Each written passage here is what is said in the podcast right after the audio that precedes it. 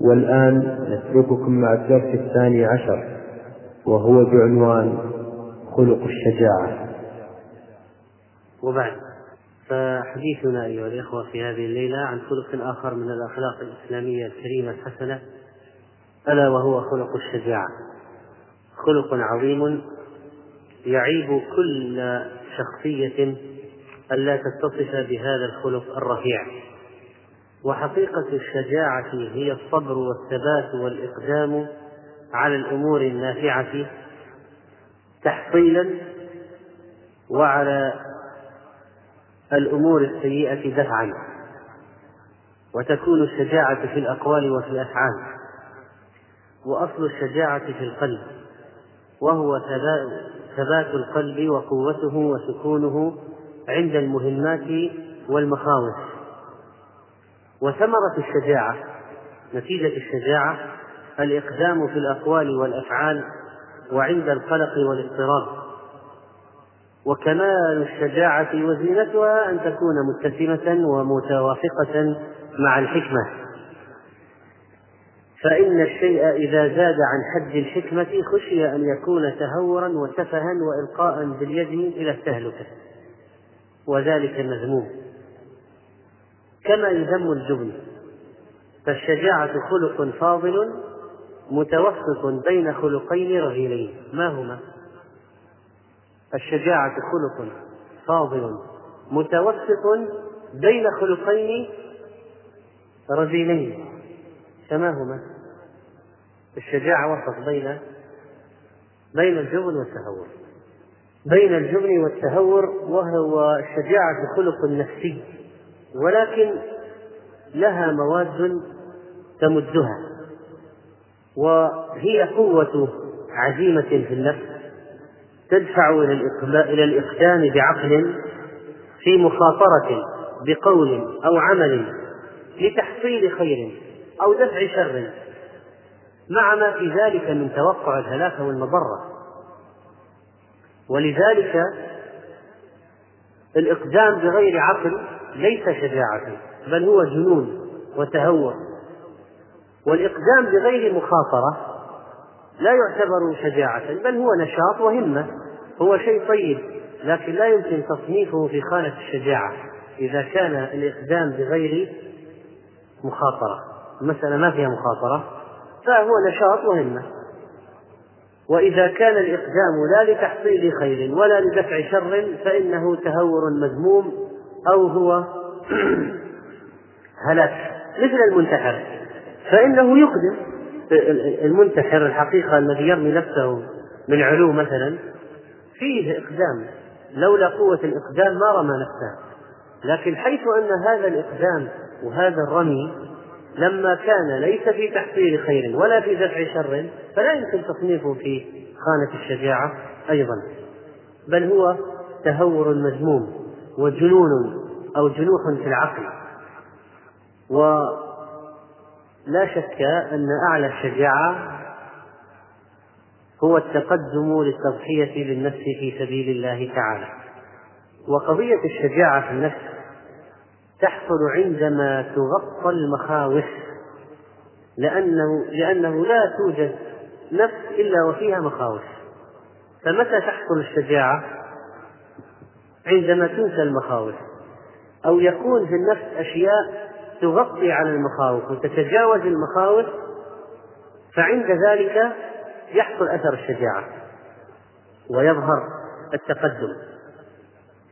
فإذا هناك مركبات نفسية في الإقدام الحكمة الفائدة تغطية المخاوف وزوال المخاوف التغلب على المخاوف.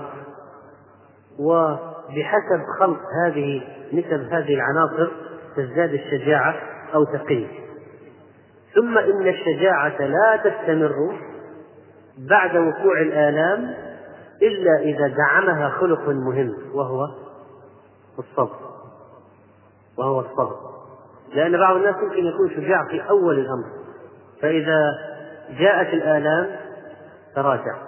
فإذا الشجاعة لن تكتمل إلا إذا كان هناك خلق آخر مرافق وهو خلق الصبر. وضد الشجاعة الجبن وواضح أن الجبن يكون نتيجة تخوف المخاوف تغلب المخاوف المرتقبة أو الحاصلة أمام الناظر أمام ناظري الشخص. تتغلب المخاوف فيحجم ولا يعود شجاعا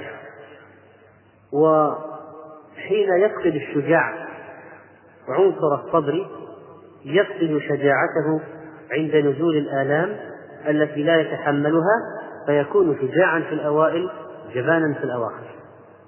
ولذلك كان الصبر على تحمل في المكاره مع الإقدام بعقل وحكمة هو الذي يحافظ على الشجاعة.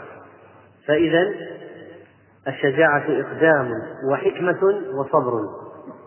قد تكون أحيانا النتائج المرجوة أو الخير الذي يرجى من وراء الإقدام قليلا بالنسبة للمخاطرة. فلا يكون من الحكمة الإقدام. وبالمناسبة معظم الأخلاق إن لم تكن كل الأخلاق هي نتيجة الإقدام أو الإحجام في النفس البشرية. كل الأخلاق يمكن إرجاعها إلى الإقدام والإحجام. يعني مثلا الآن الشجاعة إقدام والجبن إحجام الكرم إقدام والبخل إحجام وهكذا. فنتيجة تنازع خط الإقدام مع الإحجام في النفس البشرية تنتج الأخلاق. ففهم مسألة الإقدام والإحجام هذه تؤدي إلى فهم الأخلاق. وكل واحد يريد أن يحلل نفسيته فإنه لابد أن ينطلق مدخل تحليلي للأخلاق الأخلاق النفس البشرية من قضية الإقدام والإحجام. ولنعلم بأن الإقدام ليس دائما محمود ولا الإحجام دائما مذموم. ففي بعض الحالات يكون الإقدام مذموما مثل الانتحار. وبعض الحالات يكون الإحجام مطلوبا مثل عندما يكون الإقدام تهلكة مثلا. والإحجام محافظة على رأس المال محافظة على النفس محافظة على الآخرين. انسحاب خالد بن الوليد في معركة مؤتة كان قرارا عسكريا صحيحا مئة بالمئة. لكن هو إحجام نعم إحجام لكن هذا هو موقعه. لو استمر بالجيش لهلك الجيش بدون أن تحصل الهزيمة على الكفار الهزيمة للكفار. والانتصار للمسلمين فما الفائدة من الإقدام والإقدام والإقدام بالجيش حتى يفنى دون أن تحدث هناك فائدة. فإذا نعود نقول أن كل الأخلاق مرجعها إلى قضية الإقدام والإحجام وأن الإقدام في موقعه هو الصحيح والإحجام في موقعه هو الصحيح ولا يضبط ذلك إلا بالحكمة الشجاعة خلق نفسي له مواد تمده. فأعظم ما يمده وينميه الإيمان وقوة التوكل على الله وكمال الثقة بالله ومسألة مهمة جدا جدا في قضية الشجاعة وهي الإيمان بالقضاء والقدر. الإيمان بالقضاء والقدر هذا من أعظم الأمور التي تنشئ الشجاعة وتنميها. أن يعلم العبد أن ما أصابه لم يكن ليخطئه، وأن ما أخطأه لم يكن ليصيبه. وكذلك يزيد الشجاعة ذكر الله تعالى، إكثار ذكر الله تعالى والمداومة عليه. كما قال عز وجل: يا أيها الذين آمنوا إذا لقيتم فئة فاثبتوا واذكروا الله كثيرا لعلكم تفلحون فإذا هو حتى على الثبات الذي هو مظهر مظاهر الشجاعة أليس كذلك؟ ثم أمر بشيء يحصل به الجنود الثبات وهو ذكر الله تعالى وأن هذا هو سبب الفلاح. يقول الشيخ عبد الرحمن الناصر السعدي رحمه الله فمتى قوي إيمان العبد بالله وبقضائه وقدره وقوي يقينه بالثواب والعقاب وتم توكله على الله وثقته بكفاية الله وعلم أن الخلق لا يضرون ولا ينفعون وعلم أن الخلق لا يضرون ولا ينفعون وأن نواصيهم بيد الله وعلم الآثار الجليلة الناشئة عن الشجاعة. إذا هنا مسألة أيضا مهمة في قضية تحصيل الشجاعة. هذه كلها أسباب تحصيل الشجاعة. أن يتفكر في محامد الشجاعة ومحاسن الشجاعة ومنافع الشجاعة الآثار الجليلة الناشئة عن الشجاعة متى تمكنت هذه المعارف من قلبه؟ قوي قلبه واطمأن فؤاده. وأقدم على كل قول وفعل ينفع الإقدام عليه. ولا بد لمن كانت هذه حاله أن يمده الله بمدد من عنده لا يدركه العبد بحوله ولا قوته. فإن من كان الله معه فلا خوف عليه. ومن كان الله معه هانت عليه المصاعب ودفع الله عنه المكاره. قال الله تعالى كم من فئة قليلة غلبت فئة كثيرة بإذن الله والله مع الصابرين. انظر إلى حال نبينا صلى الله عليه وسلم وقد أحاطت به المخاوف المزعجة وهو في الغار. والأعداء منتشرون في طلبه. ويقول له أبو بكر رضي الله عنه يا رسول الله لو نظر أحدهم موضع قدميه لأبصرنا. فقال صلى الله عليه وسلم ما ظنك باثنين ما ظنك يا أبا بكر باثنين الله ثالثهما؟ ما ظنك باثنين الله ثالثهما؟ كان صلى الله عليه وسلم مطمئنا ثابتا غير مبال ولا قلق. ولذلك قال الله تعالى إلا تنصروه فقد نصره الله. إذ أخرجه الذين كفروا ثاني اثنين إذ هما في الغار. إذ يقول لصاحبه لا تحزن إن الله معنا. فأنزل الله سكينته عليه. ولننظر إلى جميع الأخت هذه التي دائما تجلس معها هذا الطفل الذي لا يجعلنا ننفذ إلى الدرس فنتكرم بأن تكف عنا إزعاجه أو تحجم عن الإقدام والقدوم به إلى المسجد مرة أخرى.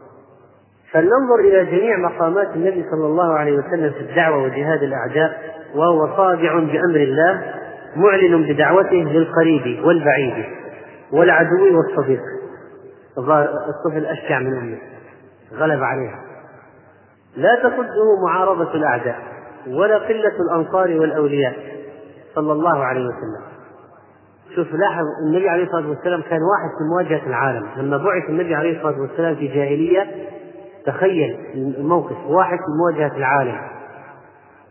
أي واحد فينا لو كان في ذلك المكان لأحجم ترك الدعوة وانهار. انهارت معنويا. واحد في مواجهة العالم. ولكنه صلى الله عليه وسلم لم تصده معارضة الأعداء ولا قلة الأنصار والأولياء. لم يفتر ولم يضعف ولم يني ولم يخف مخلوقا.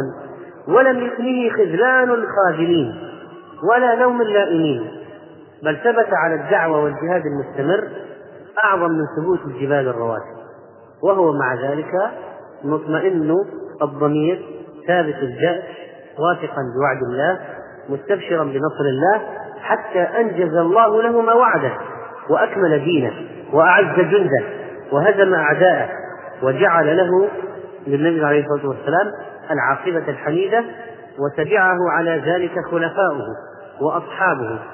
فمضوا على ما مضى عليه نبيهم بإيمان ويقين وثبات كامل وقوة في الدين حتى فتحوا الأمصار ودانت لهم الأقطار وأظهر الله بهم الدين وأتم نعمته على المؤمنين.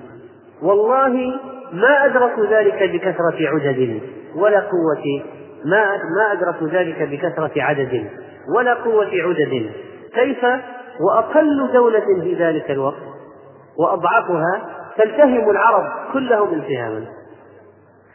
إنما أدركوا ذلك بقوة الإيمان واليقين وبعدة الشجاعة الإيمانية المؤيدة بالثقة بنصر رب العالمين وبإعداد المستطاع من القوة المعنوية والمادية للأعداء وبالصبر العظيم في مواطن اللقاء وبالنصر الرباني.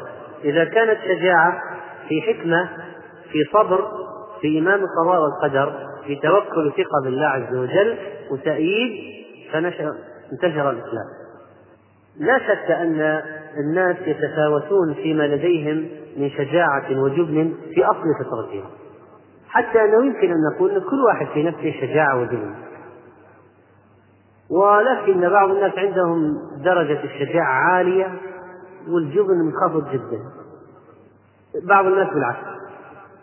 ما من شجاع إلا لديه نسبة جبن فطري وما من جبان إلا لديه نسبة شجاعة فطرية فبأي شيء يحصل التفاوت بين الناس في الشجاعة بهذا كم الشجاعة وكم الجبن؟ كم نسبة الشجاعة في نفسه ونسبة الجبن؟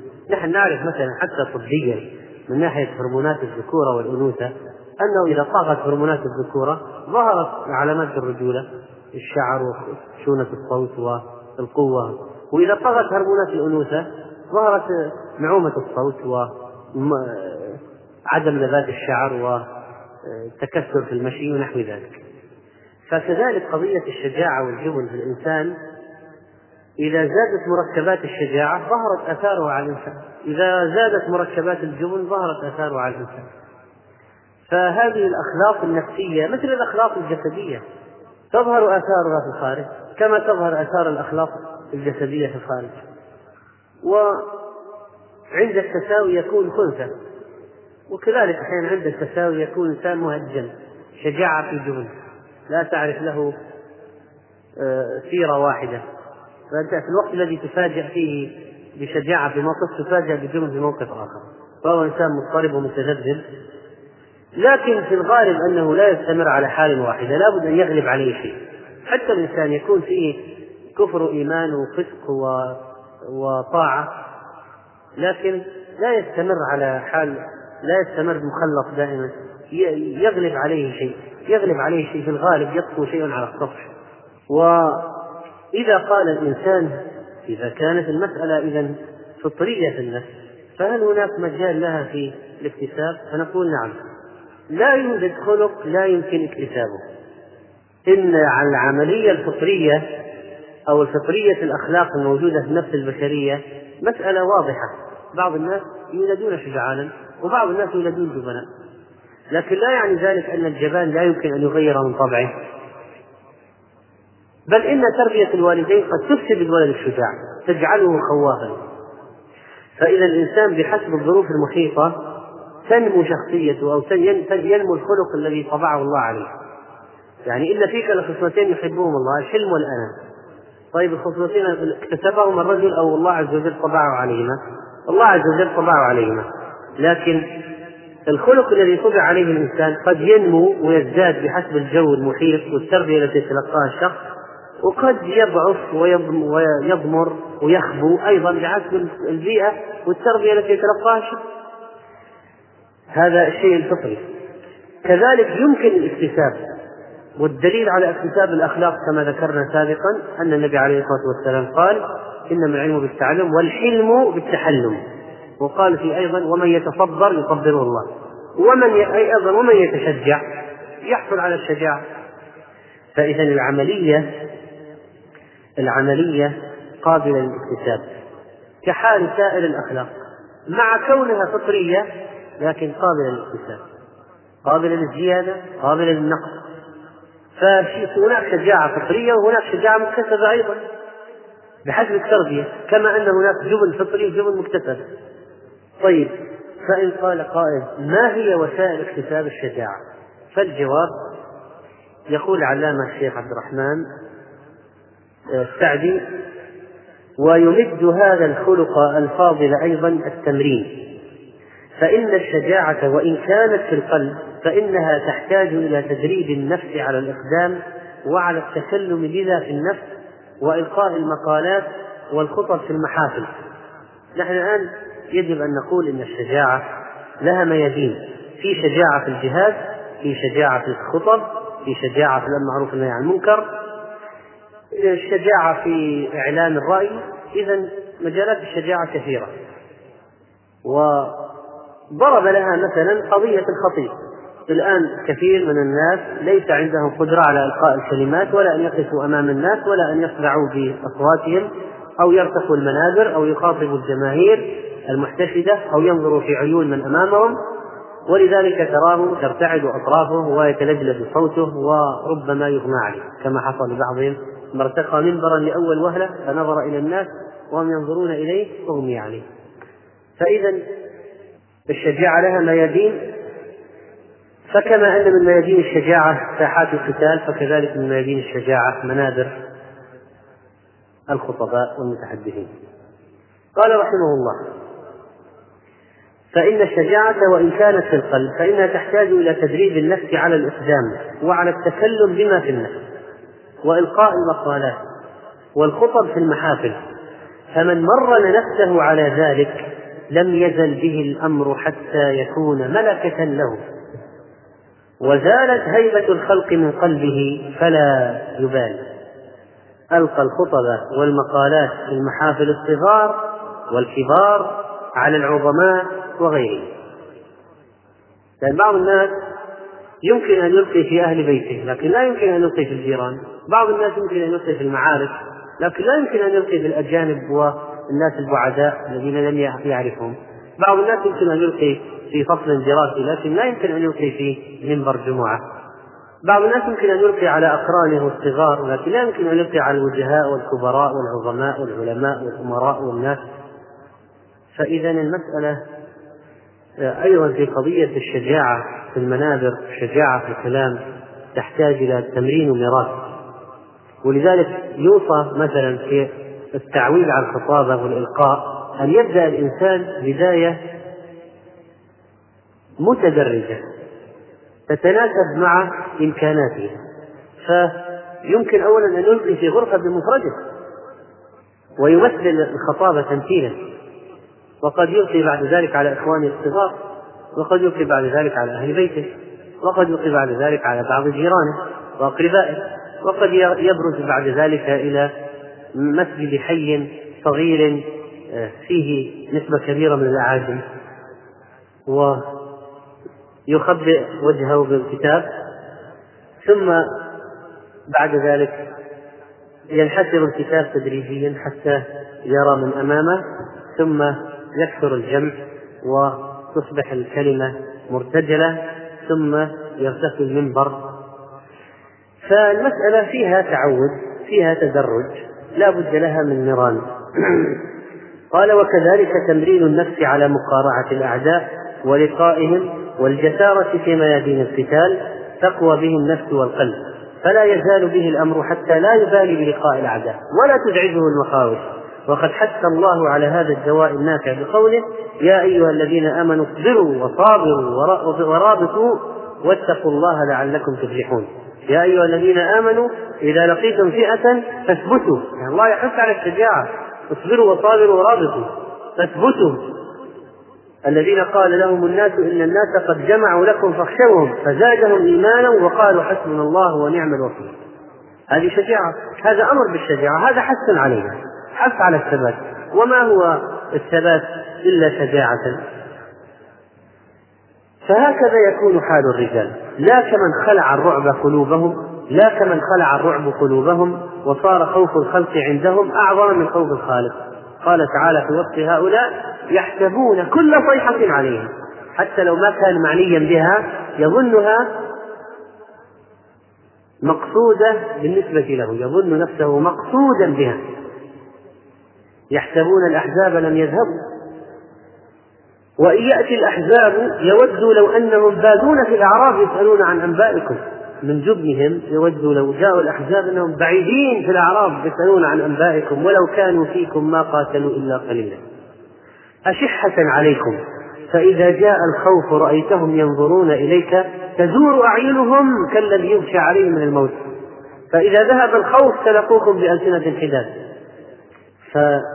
فهناك إذا وسائل للتمرين لاكتساب الشجاعة. قلنا الوسيلة الأولى التدريب العملي بدفع الإنسان إلى المواقف أن يدفع الإنسان نفسه إلى المواقف ليتخلص من ليتخلص من رهبتها. الشجاعة ممكن نقول من تعريفات الشجاعة أيضا التخلص التغلب على رهبة الموقف. سواء كان هذا موقف معركة موقف خطابة موقف إنكار منكر مخاطبة عظيم. الشجاعة هي التغلب على رهبة الموقف. لأن الإنسان إذا تغلب على رهبة الموقف انتهت العملية.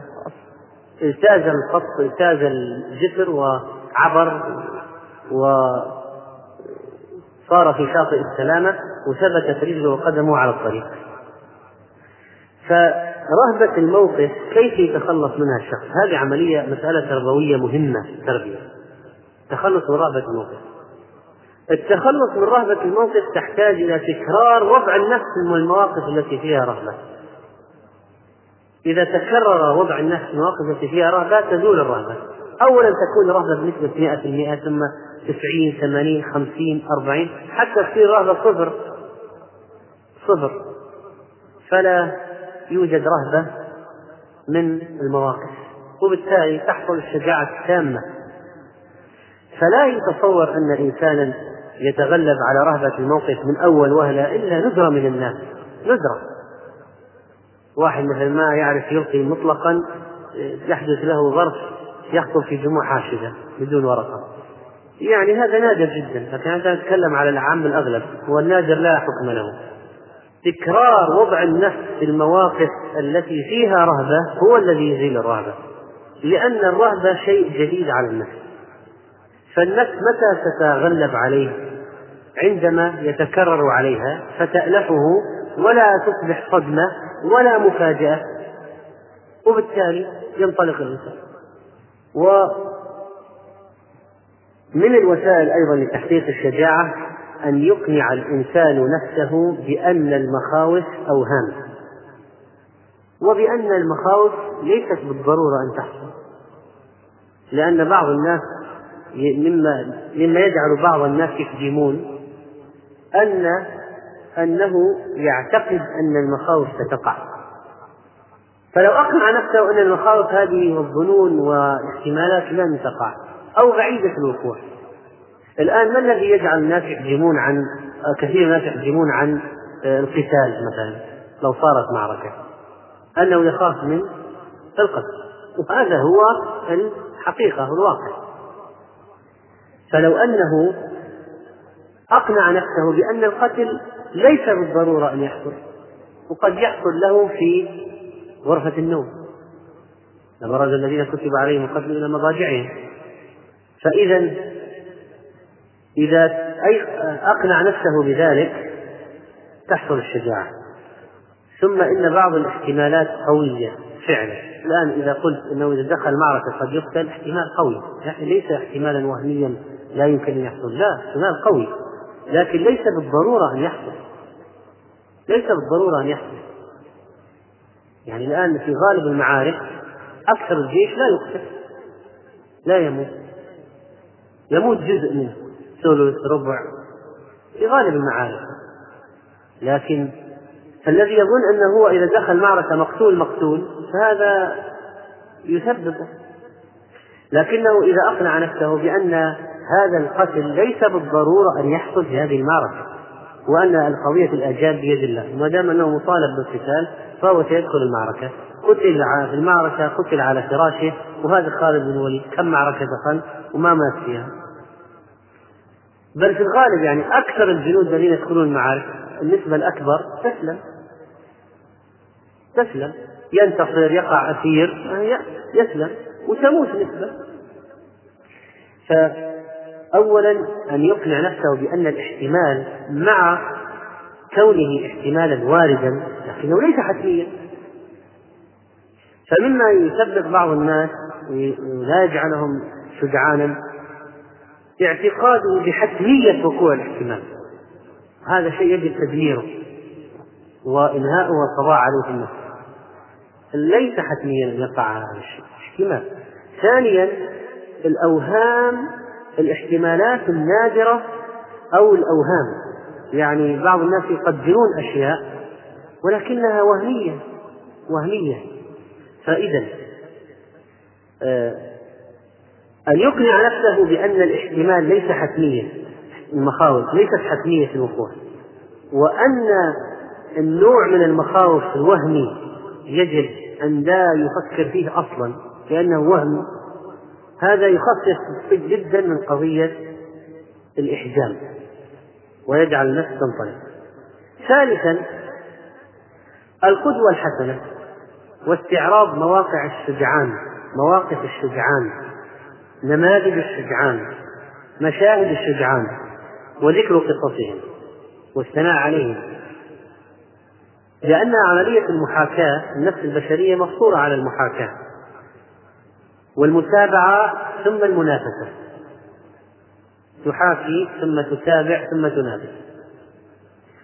فلو أن الإنسان استعرض سير الشجعان يتشجع سير الأبطال لماذا يكون من أنواع إقناع الإقناع مثلا أو أنواع غسيل الدماغ مثلا مشاهد وأفلام يرونها لبعض الأشخاص عن أحوال معينة. مثلا صوروا شجعان نفترض وعرضوا المشاهد. أثر المشاهد على المشاهد أثر المشاهد على المشاهد يرسخ في النفس. فلو أنك أريت مثلا طفلا فيلما عن جهاد أو قتال في سبيل الله تشجع تلقائيا يقول متى سترسلني إلى المعركة؟ لأنه يرى بنفسه يرى بعينه يرى بعينه كيف يفعلون كيف يقاتلون كيف يثبتون كيف يكبرون.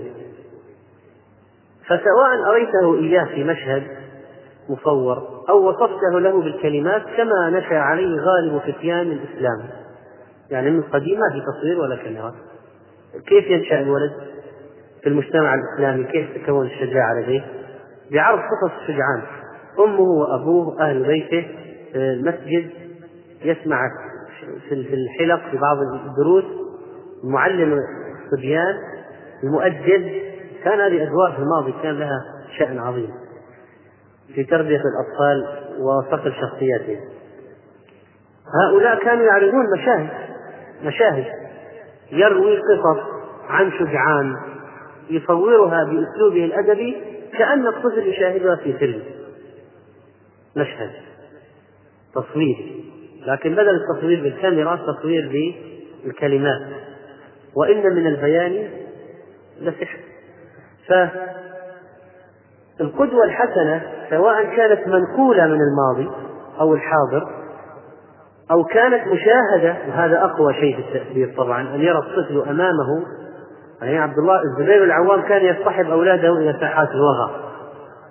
وعبد الله بن الزبير لما يرى شجاعة أبيه الزبير في المعركة فعبد الله بن الزبير على خيل على فرس قد وكل أبوه به من يمسكه لأن الولد منطلق وعنده قوة إقدام شديدة وقد تشبع بمشاهد شجاعة أبيه. فالزبير وكل به رجلا ولا هو في اليرموك هو في المعارك التي خاضها الزبير. كان عبد الله موجود في المعارك يرى أنها على الطبيعة لا تصوير ولا كلام على الطبيعة ويرى إقدام أبيه. ولذلك كم مرات كاد أن يفلت من الشخص الموكل بإمساكه. وعمره عنده عشر سنة أو نحوها فإذا مسألة الاقتداء القدوة هي أعظم أو من أعظم ما يرسخ الشجاعة في النفس. رابعا إثارة دوافع التنافس ومكافأة الأشجع مع الثناء الشرعي عليه الذي لا يحطمه ولا يدخل عجز في نفسه وهذا يكون كثيرا في واقع الصبيان. في أحد المعارك بين النصارى والمسلمين في عهد صلاح الدين الأيوبي قال قال بعض المسلمين لبعض النصارى لقد سئلنا من قتال الكبار فأرسلوا صبيا ونرسل صبيا في وسط ساحة المعركة. فأخرج المسلمون صبيا وأخرج النصارى صبيا. فالتقيا فابتدر صبي المسلمين صبي النصارى فأخذه فاقتلعه فرفعه فهوى به إلى الأرض وأطبق عليه ليقتله يعني حالوا بينه وبينه. فالصبي إذا إذا شجع على الشجاعة يتقمصها وتصبح الشجاعة وتصبح الشجاعة بالنسبة له خلقا يرى أثره في الواقع. ومن عملية إثارة دوافع التنافس التي حصلت على عهد النبي صلى الله عليه وسلم لما قصص كثيرة في في مشاهد الجهاد ولما اعترض بعض الصبيان الصحابة لماذا منع هو وقبل فلان ولو صارعه لصرعه وصارعه وصرعه فأجيز هو وإياه. إذا كانت المسألة فيها تنافس من الذي سيخرج؟ وبعضهم بكى وهو يرد لأن النبي عليه الصلاة والسلام كان لا يسمح لمن كان دون الخامسة عشرة من الخروج. ولذلك رد عبد الله بن عمر في غزوة وقبل في أخرى. لأنه ليس من المصلحة إدخال الصغار فيكون في قلة قوتهم وضعفهم ثغرات على أهل الإسلام. فمشاهد التنافس كانت واضحة بين الصحابة في قضية الدخول في المعارك وتسجيل الأسماء ومن الذي يدخل ومن الذي ينافس على الدخول. ولما كان التدريب العملي من أفضل الوسائل لاكتساب الأخلاق والمهارات فإننا نجد في قطاعات البشر الموجودين في المناطق المختلفة ميزات لا توجد في غيرهم. فمثلا أهل البادية فيهم شجاعة في الصحاري والقفار وأهل السواحل فيهم شجاعة في خوض غمار البحار. أهل الجبال عندهم قوة في ارتقاء شواهق الجبال وقممها في المسألة أحيانا البيئة لها تأثير. وأهل المدن أجمل خلق الله. ما يحتاج إلى إثبات. لا جبال ولا بحار ولا لا يطلبون رزقا في بحر ولا ولا في صحراء. ولذلك الترف الترف يؤدي إلى تحطيم الشجاعة. ولذلك النبي عليه الصلاة والسلام قال تمعددوا تمعددوا انتسبوا إلى معد الذي كان معروفا بالفروسية والقوة واخشوشنوا لأن التنعم يذهب بقوة البدن. إذا كانت الشجاعة المقصود بها نصر الحق ورد الباطل وتحصيل المنافع الفردية والجماعية للإسلام والمسلمين فإنها شجاعة محمودة. أما إذا كانت في سبيل حظوظ النفس الدنيئة لا في حقوق الله ولا في حقوق المسلمين فإنها ذميمة. ولذلك ترى أهلها يتقاتلون أشد المقاتلة على لعاعة من الدنيا وعلى حطام من الدنيا ولا يعتبر هذا شجاعة شجاعة محمودة.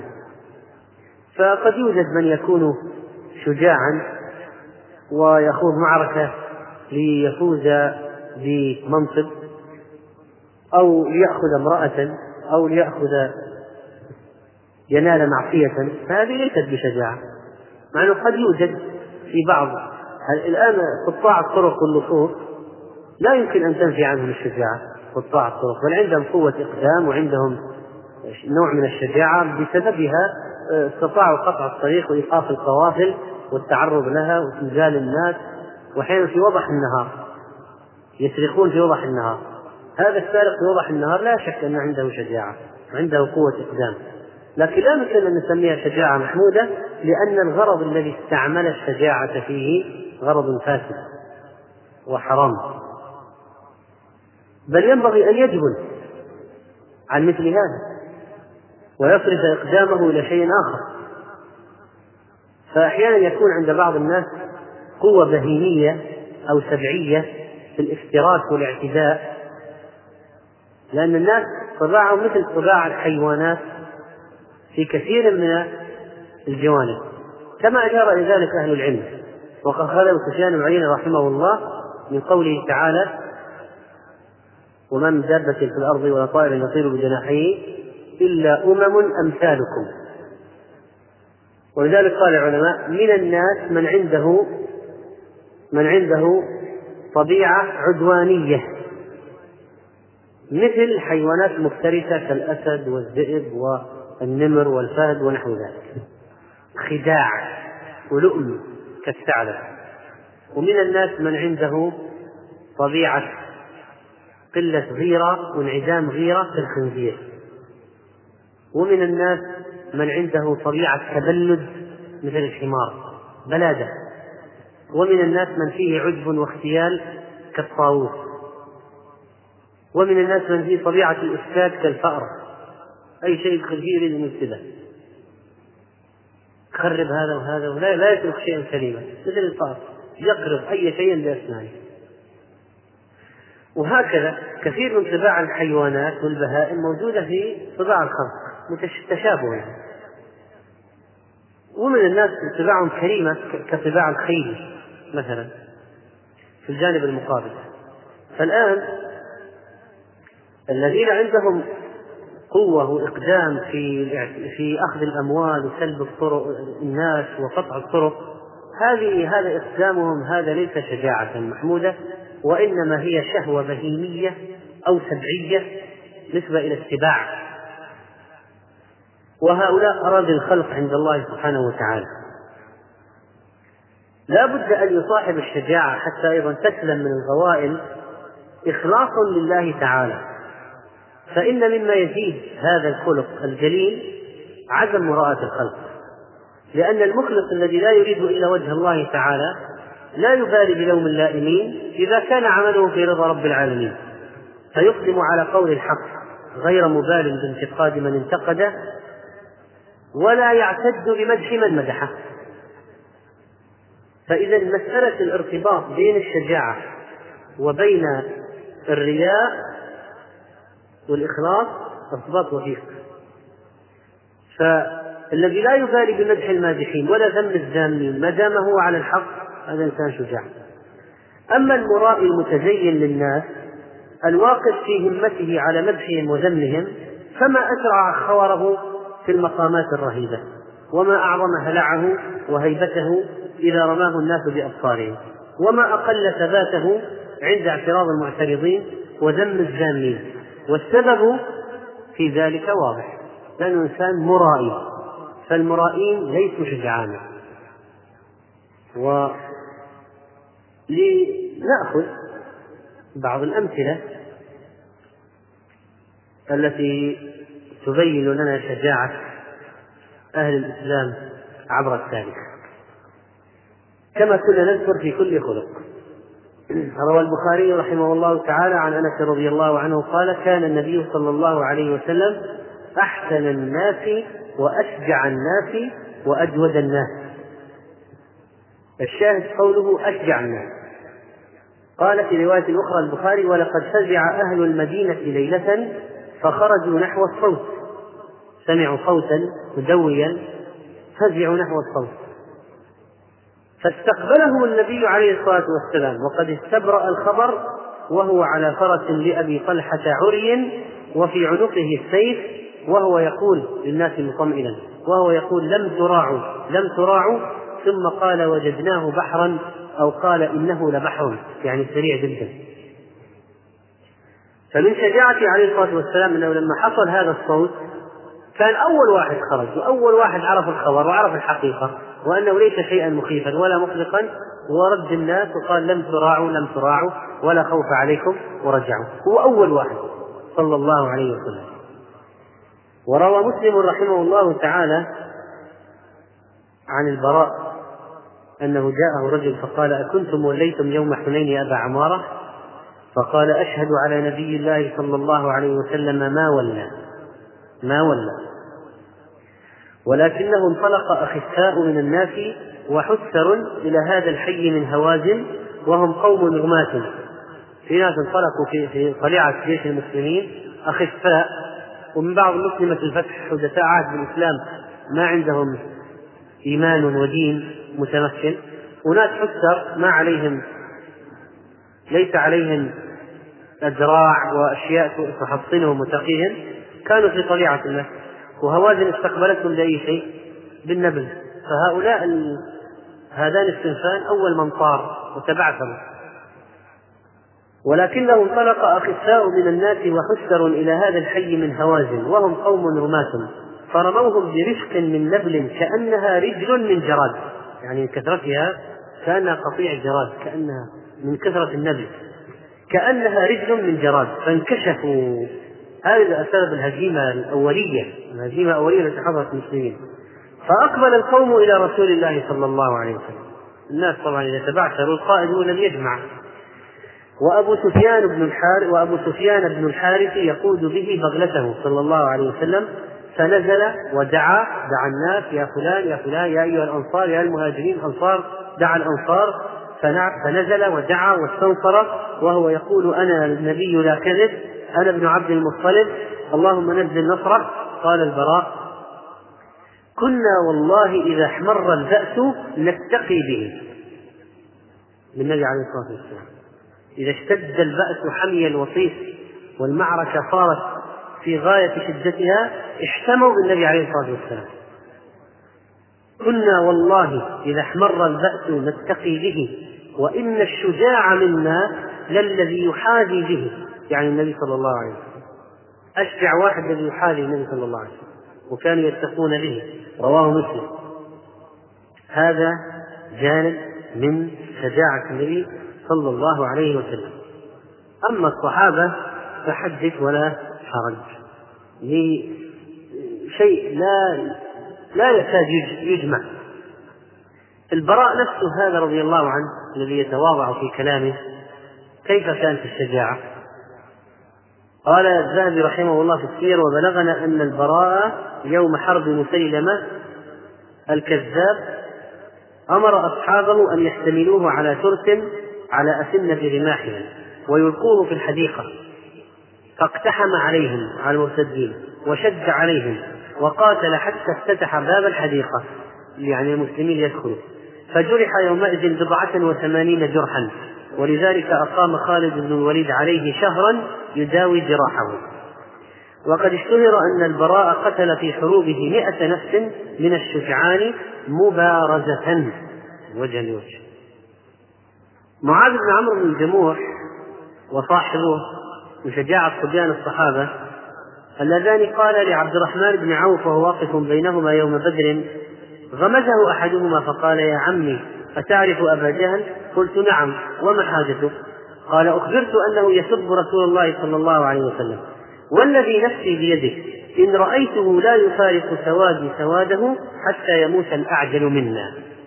فهذه شجاعة بالغة شجاعة في المنتهى. صحابي صبي يسأل عن أبي جهل وهو أعتى واحد في قريش ليقتله ثم لم تكن القضية ادعاء ولما غمزه الآخر وقال الكلام نفسه قال فلم أنسب أن نظرت إلى أبي جهل وهو يجول في الناس فقلت ألا تريان هذا صاحبكما. قال قد سدراه بسيفيهما حتى قتله. وجعل الله إذلال أبي جهل على يدي صبيين من المسلمين. وحتى عميان المسلمين كانوا يتميزون بالشجاعة مع أن الأعمى في المعركة لا يستطيع أن يقاتل. فيقول ابن أم مكتوم أي ربي أنزل عذري. فأنزل الله غير أولي الضرر. فكان مع ذلك مع أن الله أنزل عذره يغزو بعد ذلك ويقول ادفعوا إلي اللواء فإني أعمى لا أستطيع أن أفر وأقيموني بين الصفين. ضعوا معي اللواء. وخالد بن الوليد رضي الله تعالى عنه الذي لما احتضر بكى وقال لقيت كذا وكذا ما قدر الله له الشهادة قتلا. كانت شجاعته تفوق الوصف معروفة. ولم تكن شجاعته فقط في القتال بل توكل على الله في قصة أتى الروم إليه تحدي تحدي لما صار تحدي لأهل الإسلام صارت القضية في صعيد آخر. جيء له بشراب. قال ما هذا؟ قالوا سم ساعة. تشرب من هنا تموت من هنا. فقال بسم الله وشرب ولم يضره ما هو السبب؟ التوكل. التوكل يعطل التوكل إذا كان صادقا يعطل آه، سم الأفعى والعقرب ونهشة الحية وعضة الأسد. يعطل كل شيء. قال الذهبي معلقا هذه والله الكرامة وهذه الشجاعة. لما صار تحدي ما لم تكن قضية انتحارا وخالد يعلم من نفسه. صدق يقينه وتوكله على الله عز وجل. قلنا أن شجاعة الصحابة لم تكن فقط في ميادين المعارك كان في شجاعة في قول الحق. عبد الله بن مسعود رضي الله عنه أول من جهر بالقرآن بمكة بعد رسول الله صلى الله عليه وسلم مع ضعفه وهزالة جسمه إلا أنه قام وأعلنها صريحة أمام كفار قريش. أبو ذر الغفاري أعلنها أمامهم صريحة. إذا كان قضية التحدي بالمبادئ وإعلان المبادئ إعلان الدين مجابهة القوم بما يكرهون من الكلام إعزازا لدين الله وتحديا للكفرة. وإعلاء لكلمة الله كان هذا شأن الصحابة الشجعان لأنه لا يكون في الإعلان إلا شجاع. وكان ابن الزبير لا ينازع في ثلاثة شجاعة ولا عبادة ولا بلاغة رضي الله تعالى عنه. وقال ابن الزبير هجم علينا جرجير هذا أحد قادة الكفرة. في عشرين ومائة ألف. فأحاطوا بنا ونحن في عشرين ألفا يعني في إفريقيا. واختلف الناس على ابن أبي سرح كان قائد المسلمين. فدخل قسطاطه فرأيت غرة من جرجير. يقول عبد الله بن الزبير فرأيت غرة يعني ثغرة ثغرة في موقع هذا القائد الكافر. بصرت به خلف عساكره خلف عساكره على بردون أشهب. معه جاريتان تظللان عليه بريش الطواويس. بينه وبين جيشي أرض بيضاء. فأتيت أميرنا ابن أبي سرح فندب لي الناس قلت أريد مجموعة اقتحام. لنصل إلى هذا القائد في عقر مكانه. فاخترت ثلاثين فارسا وقلت لسائرهم البسوا على مصافكم وحملت وقلت لهم احموا ظهري. من عملية الاختراق تحتاج إلى حماية مؤخرة حتى يستطيع أن يصل إلى مبتغاه. فخرجت الصف إلى جرجير وخرجت صامدا وما يحسب هو ولا أصحابه إلا أني رسول إليه. ظن أن جيشه عمدا سرب هذا الرجل لأنه يحمل رسالة. حتى دنوت منه فعرف الشر. عرف أني أنا لست رسولا. فثابر بردونه موليا فأدركته فطعنته فسقط ثم احتززت رأسه فنصبته على رمحي وكبرته وحمل المسلمون فارفض العدو ومنح الله أكتافهم الحمد لله ومن قصص الشجاعة التي كانت عند المسلمين ما كان من قصة عبد الله بن الزبير بن عبد المطلب الهاشمي. الذي كان موصوفا بالشجاعة والفروسية كما ذكر ذلك الذهبي رحمه الله في السير. و يقول أبو الحويرث أول من قتل يوم أجنادين بالطريق برز يدعو إلى البرائز المبارزة. فبرز إليه عبد الله بن الزبير بن عبد المطلب فاختلف ضربات ثم قتله عبد الله. ثم برز آخر فضربه عبد الله على عاتقه. وقال خذها وأنا ابن عبد المطلب. فأثبته وقطع سيفه وقطع سيفه الدرع وأشرع في منكبه ثم ولى الرومي منهزما. ومن العجائب أيضا في تاريخ المسلمين أحمد بن إسحاق الإمام الزاهد العابد المجاهد فارس الإسلام من أهل سرماري من قرى بخارى وبشجاعته يضرب المثل كما قال الزاهد رحمه الله هذا السرماري يقول إبراهيم بن عفان البزاز كنت عند أبي عبد الله البخاري فجرى ذكر أبي إسحاق السرماري فقال ما نعلم في الإسلام مثله. ومن قصصه قال إبراهيم بن شماس كنت أكاتب أحمد بن إسحاق السرماري فكتب إلي إذا أردت الخروج إلى بلاد الغزية في شراء الأسرى فاكتب إليه. فكتبت إليه. فقدم سمرقند فخرجنا. فلما علم جعبويه استقبلنا استقبلنا في عدة من جيوشه. فأقمنا عنده فعرض يوما جيشه. فمر رجل فعظمه وخلع عليه. فسألني عنه السرماري من هذا الرجل الذي أكرمه جعبويه وخلع عليه وكافاه. فقلت هذا رجل مبارز يعد بألف فارس. قال أنا أبارزه فسكت. فقال جعبويه ما يقول هذا؟ قلت يقول كذا وكذا. قال لعله سكران لا يشعر ولكن غدا نركب. فلما كان الغد ركبوا فركب السرماري معه عمود في كمه المسلم. فقام بإزاء المبارز فقصده فهرب أحمد هذا السرماري هرب تظاهر بالهروب حتى باعده من الجيش. ثم كر وضربه بالعمود فقتله. وتبع إبراهيم بن شماس لأنه كان سبقه فلحقه. وعلم جعبويه فجهز في طلبه خمسين فارسا نقاوة فقاهم فأدركوه السرماري هذا المسلم لما لحقه خمسين ثبت تحت تل مختفيا حتى مروا كلهم واحدا بعد واحد. وجعل يضرب بعموده من ورائهم. وجعل يضرب بعمود ورائهم حتى قتل تسعة وأربعين واحد بعمود. وأبقى الأخير قطع منه أعضاء وأرسله رسولا يخبر عما رأى. والنبي صلى الله عليه وسلم كان ولا شك من أسباب من الأسباب العظيمة من أعظم الأسباب في شجاعة الصحابة رضوان الله عليهم.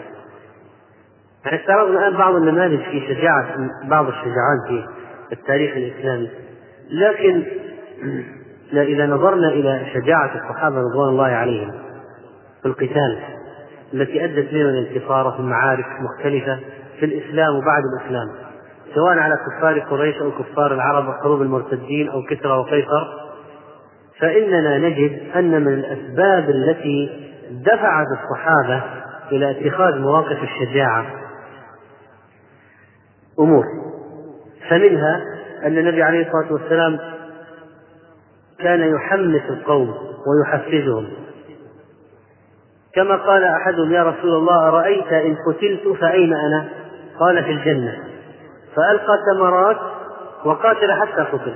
فإذا مما كان يشجع على القتال أن يعرف الإنسان نفسه إذا صدق وقتل أين هو.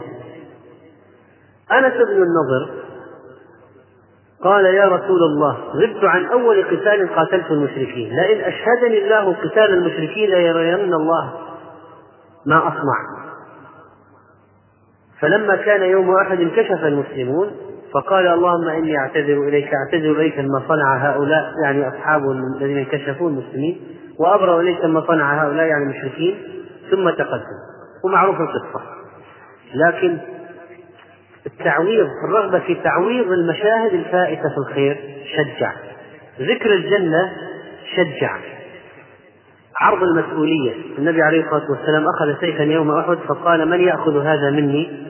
فبسطوا أيديهم كل إنسان يقول أنا أنا أنا. فقال فمن يأخذه بحق يأخذه بحقه؟ فأحجم القوم.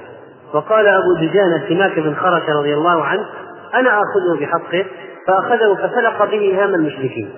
إذا تقدير المسؤولية حق قدرها من الأشياء التي ترسخ الإنسان في طريق الثبات وتدفع إلى الشجاعة. والنبي عليه الصلاة والسلام ما كان يدفع جنوده إلى ساحة المعارك دون إعداد وينتظر شجاعات فردية لكنه كان يجهزهم ثم يأذن لهذه المشاعر النفسية الشجاعة وغيرها أن تنطلق لكن تنطلق على إعداد مسبق فمثلا كان يقول ألا إن قوة الرمي ويحث أصحابه على التدريب وعلى المران والرمي و آه، كان يرمي مع هؤلاء يرمي مع أولئك قال ارموا فأنا معكم كلكم. وكان مجتمع حتى اللعب بالحراب في المسجد من أجل هذه هذه نوع من التدريب الحربي. لم يكن لعبا ولا لهوا في المسجد. لم يكن لهوا وعبثا في المسجد وإنما كان لعبا بالحرام بالحراب تدريب كان يحسنه الحبشة مثل التمرين. تمرين أو استعراض عسكري كانوا يقومون به. وكذلك فإنه صلى الله عليه وسلم قال ستفتح عليكم الروم ويكفيكم الله. فلا يعجز أحدكم أن يلهو بأسهمه. يعني لا تترك التدرب على السهام ولو فتحت عليكم الديار لا تتركوا الرمي. تعلموه جيلا بعد جيل وعلموا أبناءكم. وليكن دائما هناك نيران على الرمي. هكذا كان عليه الصلاة والسلام يقول. فإن أقول أيها الإخوة أن مثل هذه الأشياء هي التي كانت آه، تحمس المسلمين وتجعل الوقفة تجعل الوقفة وقفة صحيحة وليست مجرد دفع الأفراد أو الجيش إلى معارك بغير إعداد سابق. فالشجاعة لابد أن يقارنها إيش؟ إعداد. ثم إن بعض الناس قد يجهل الفرق بين الشجاعة والجرأة. فمما ذكره ابن القيم رحمه الله تعالى في كتاب الروح في آخر الكتاب في مبحث الفروق قال والفرق بين الشجاعة والجرأة أن الشجاعة من القلب وهي ثباته واستقراره عند المخاوف. يعني إذا أردت تعريف آخر للشجاعة ثبات القلب عند المخاوف. وقيل للمهلب يعني كيف يصف لنا شجاعة؟ كان مشهور بالشجاعة. فأمهل هذا السائل فترة حتى جاءت معركة. وهذا السائل كان من جانبه والمهلب يضرب بسيفه يخوض غمار المعركة الموت. فقال لمن بجانبه ضع يدك الآن على قلبي. قال فوضعته على قلبه فإذا هو أسكن شيء. قال بهذا هذه الشجاعة. ف يعني واحد في المعركة وأمام الأعداء متوقع أن ضربات القلب تتسارع نتيجة القلق والخوف. فكان قلبه من أسكن ما يكون وهو في لحظة المبارزة يقول القيم رحمه الله الشجاعة من القلب وهي ثباته واستقراره عند المخاوف وهو خلق يتولد من الصبر وحسن الظن. فإنه متى ظن الظفر وساعده الصبر ثبت كما أن الجبن يتولد من سوء الظن وعدم الصبر. فلا يظن الله. الظفر ولا يساعده الصبر. وأصل الجبن من سوء الظن ووسوسة النفس بالسوء. فإذا يقول يقول الجبان لنفسه الآن سأموت منيتي الآن. الضربة القادمة الرصاصة القادمة الطلقة القادمة الانفجار القادم. فهو لا ننتصر لا يمكن الأعداء كثيرون نحن قلة نحن ضعفاء نحن الجبال الجبال هكذا دائما يخاطب نفسه. فماذا يحدث نتيجة التأزمات النفسية هذه؟ يحدث شيء جسدي يعني النفس الانفعالات النفسية تنعكس على العضلات وعلى الأعضاء الجسدية. فيقول القيم وهو ينشأ من الرئة يقول القلب الشجاعة في القلب والجبن في الرئة. فإذا ساء الظن ووسوست النفس بالسوء انتفخت الرئة. يعني الجبان الخواف آه، رئته تنتفخ. ولا لا يا دكتور؟ يتنفس زيادة. فينتفخ رئته. قال وهو ينشأ من الرئة. فإذا ساء الظن ووسوست النفس بالسوء انتفخت الرئة فزاحمت القلب في مكانه وضيقت عليه حتى أزعجته عن مستقره فأصابه الزلازل والاضطراب لإزعاج الرئة له وتضييقها عليه. ولهذا جاء في حديث عمرو بن العاص الذي رواه أحمد وغيره عن النبي صلى الله عليه وسلم شر ما في المرء جبن خالع وشح هالع. فسمى الجبن خالعا. ليه سمى الجبن خالعا؟ لأنه يخلع القلب عن مكانه لانتفاخ السحر وهي الرئة. كما قال أبو جهل لعتبة بن ربيعة يوم بدر. وعتبة قال نرجع. القافلة نجت نرجع. أبو جهل لأمر يريده الله غطرس غطرس وعاند وقال لعتبة الذي كان يرى الرجوع قال انتفخ سحرك. هذه عبارة صحيحة عربية. يقول أبو جهل لعتبة انتفخ سحرك. وهذه دليل على إيش؟ قال يعني الآن نزل عليك الجبن والخوف. انتفخ سحرك. أشوف رئتك انتفخت من الخوف والجبن انتفخ سحرك قال فإذا زال القلب عن مكانه ضاع تدبير العقل. فظهر الفساد على الجوارح. قاعد يدري يمسك سلاح ولا يضرب ولا يهدف ولا يهدف إلى شيء ولا ينظر. قال فإذا زال القلب عن مكانه ضاع تدبير العقل فظهر الفساد على الجوارح فوضعت الأمور على غير مواضعها. فربما استعمل السلاح على نفسه. فالشجاعة حرارة القلب وغضبه وقيامه وانتصابه وثباته فإذا رأته الأعضاء كذلك أعانته فإنها خدم له وجنود. كما أنه إذا ولى ولى السائر جنودا وأولها الرجلين. وأما الجرأة فهي إقدام سببه قلة المبالاة الاندفاع بدون تفكير ولا حكمة. العكس الشجاعة ليست من الشجاعة. سبب قلة المبالاة وعدم النظر في العاقبة. فإذا الشجاعة فيها تدبير وحكمة والجرأة أو عدم التهور في قلة مبالاة وعدم حسبان الأمور أو حسبان الأمور أن يحسب للأمور حسابها. أن يحسب الأمور حسابها. والعرب كانت لهم عبارات أو كلمات أو أمثال يضربونها في الشجاعة. فرأس العرب النبي عليه الصلاة والسلام طبعا فإنه قال لا تمنوا لقاء العدو وإذا لقيتموهم فاثبتوا. وهذا حث على الشجاعة. أما أبو بكر الصديق رضي الله عنه فإنه قال في كتابه إلى خالد بن الوليد العبارة المشهورة التي ذهبت مثلا احرص على الموت توهب لك الحياة.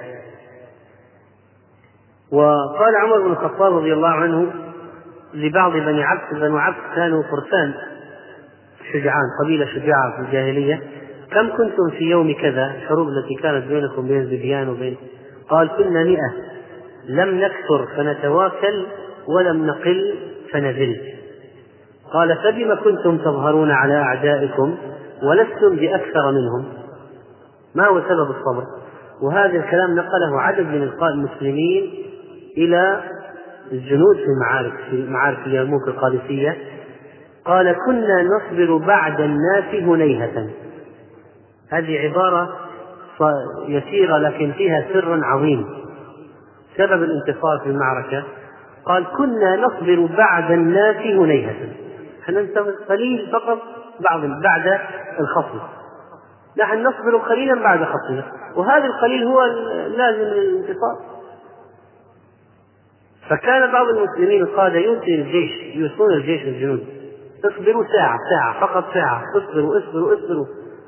حتى يبدأ الضعف والفشل والانهزام في الروم والفرس. فتدخل يأتي الهزيمة. فالمسألة هي صمود زيادة عن الخصم ولو لحظة.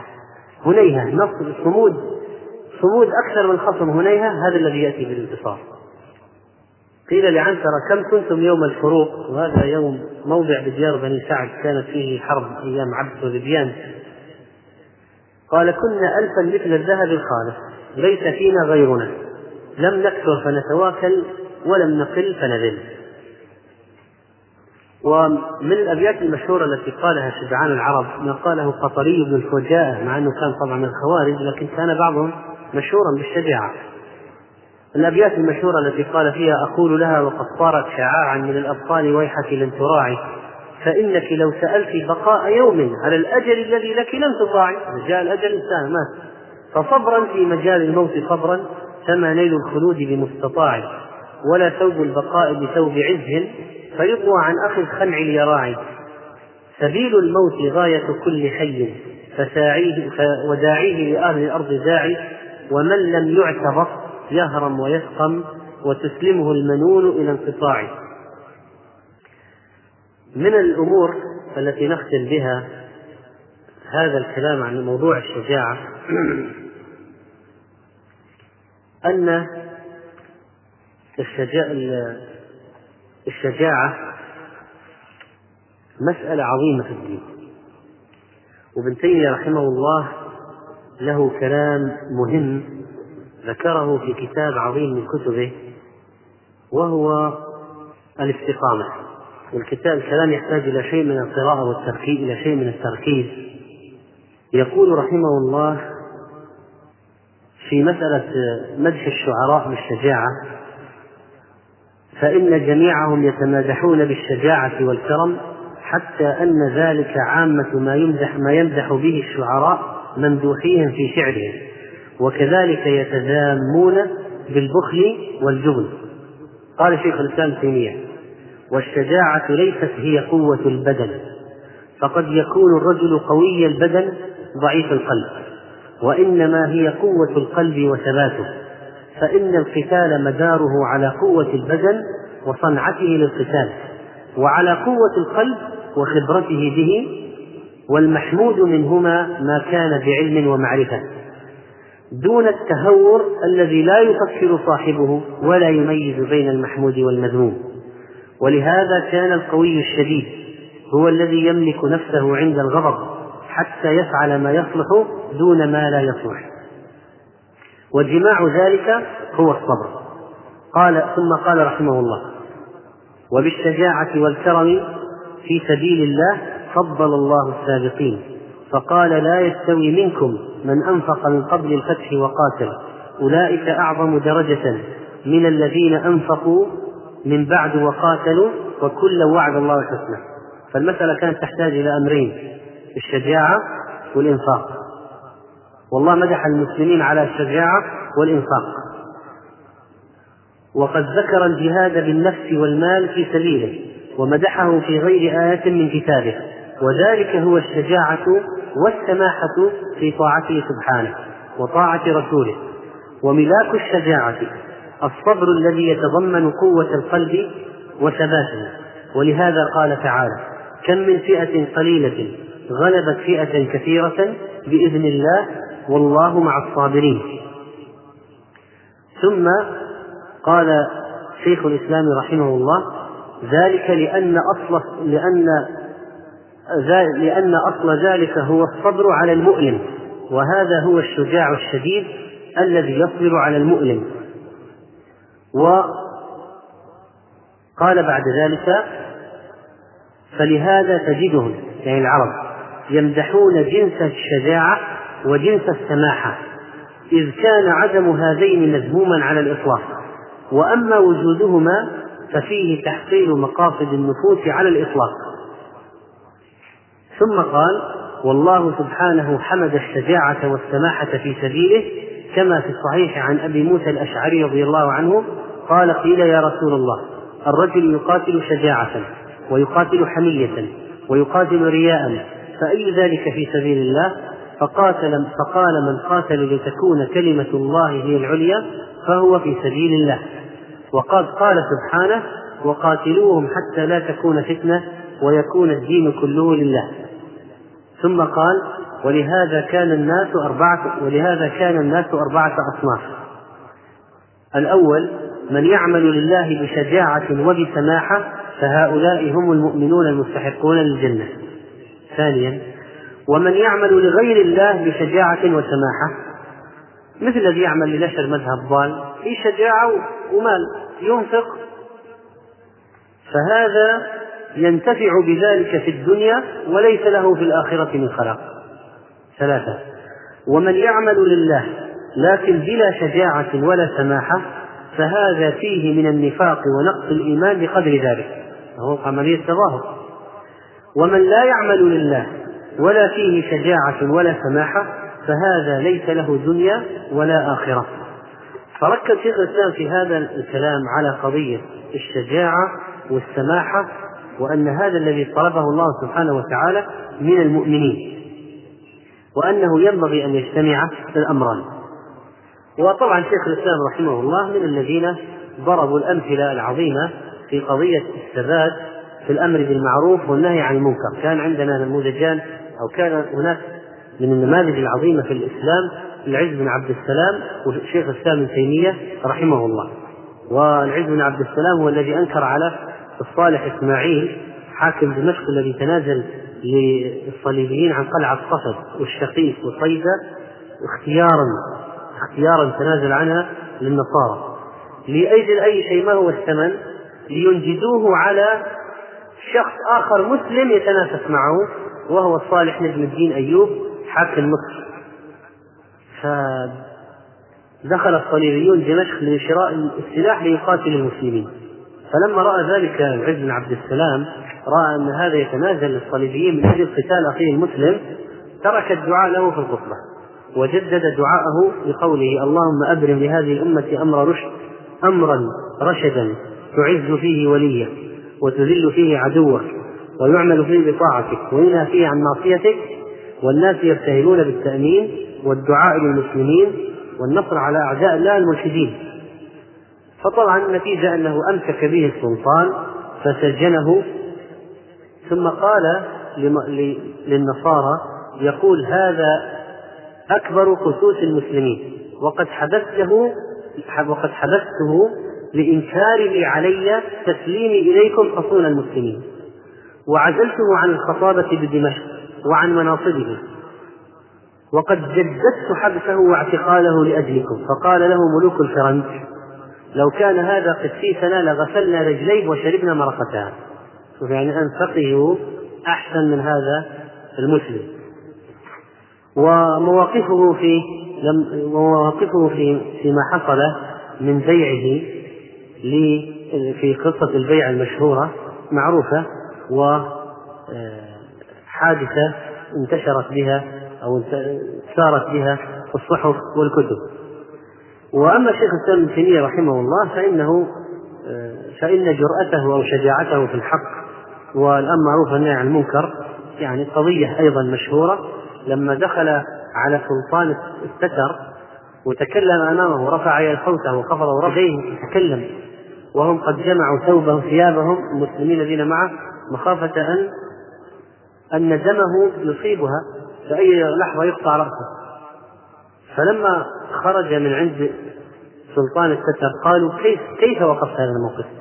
قال ذكرت الله فصار السلطان في عيني كالذباب فإذا شيخ الإسلام رحمه الله من الأشياء التي ساعدت كانت واضحة في نشر علمه شجاعته رحمه الله فشجاعة العالم من أهم الأشياء التي تساعد في تأثيره في الناس ونشر علمه بينهم ومواقفه سواء ضد المبتدعة من الأشاعرة وغيرهم أو الصوفية من الأحمدية الرفاعية وغيرهم أو من ظلم آه، بعض المسلمين وإنكاره على السلاطين أو في قضية الكفرة كالتتر وغيرهم. كانت له مواقف معروفة في هذا كله شاهدة على شجاعته في الحق وعلى جرأته في قول كلمة الحق نسأل الله أن يغفر له ويرحمه. فهذه بعض الأمثلة من ميادين مختلفة في الشجاعة في الخطابة والأمر معروف والنهي عن المنكر والجهاد في سبيل الله مع ذكر تعريفها وضدها والعوامل التي تزيد الشجاعة والفرق بينها وبين التهور. ونسأل الله سبحانه وتعالى أن يجعلنا من الشجعان في قول الحق والعمل به إنه سميع مجيب قريب. صلى الله وسلم على نبينا محمد.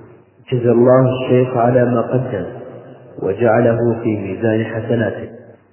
وحتى نلتقي معكم في دروس أخرى لفضيلته أخي الكريم. الشريط الإسلامي وسيلة عظيمة من وسائل الدعوة إلى الله. ولا شك أن استعمالك لهذه الوسيلة جزء من الدعوة إلى الله. ومن أحسن قولا ممن دعا إلى الله وعمل صالحا وقال إنني من المسلمين. فبادر أخي الكريم بإسماع هذا الشريط لمن تعرف ومن لا تعرف. فلعل الله أن ينفع به. والدال على الخير كفاعله.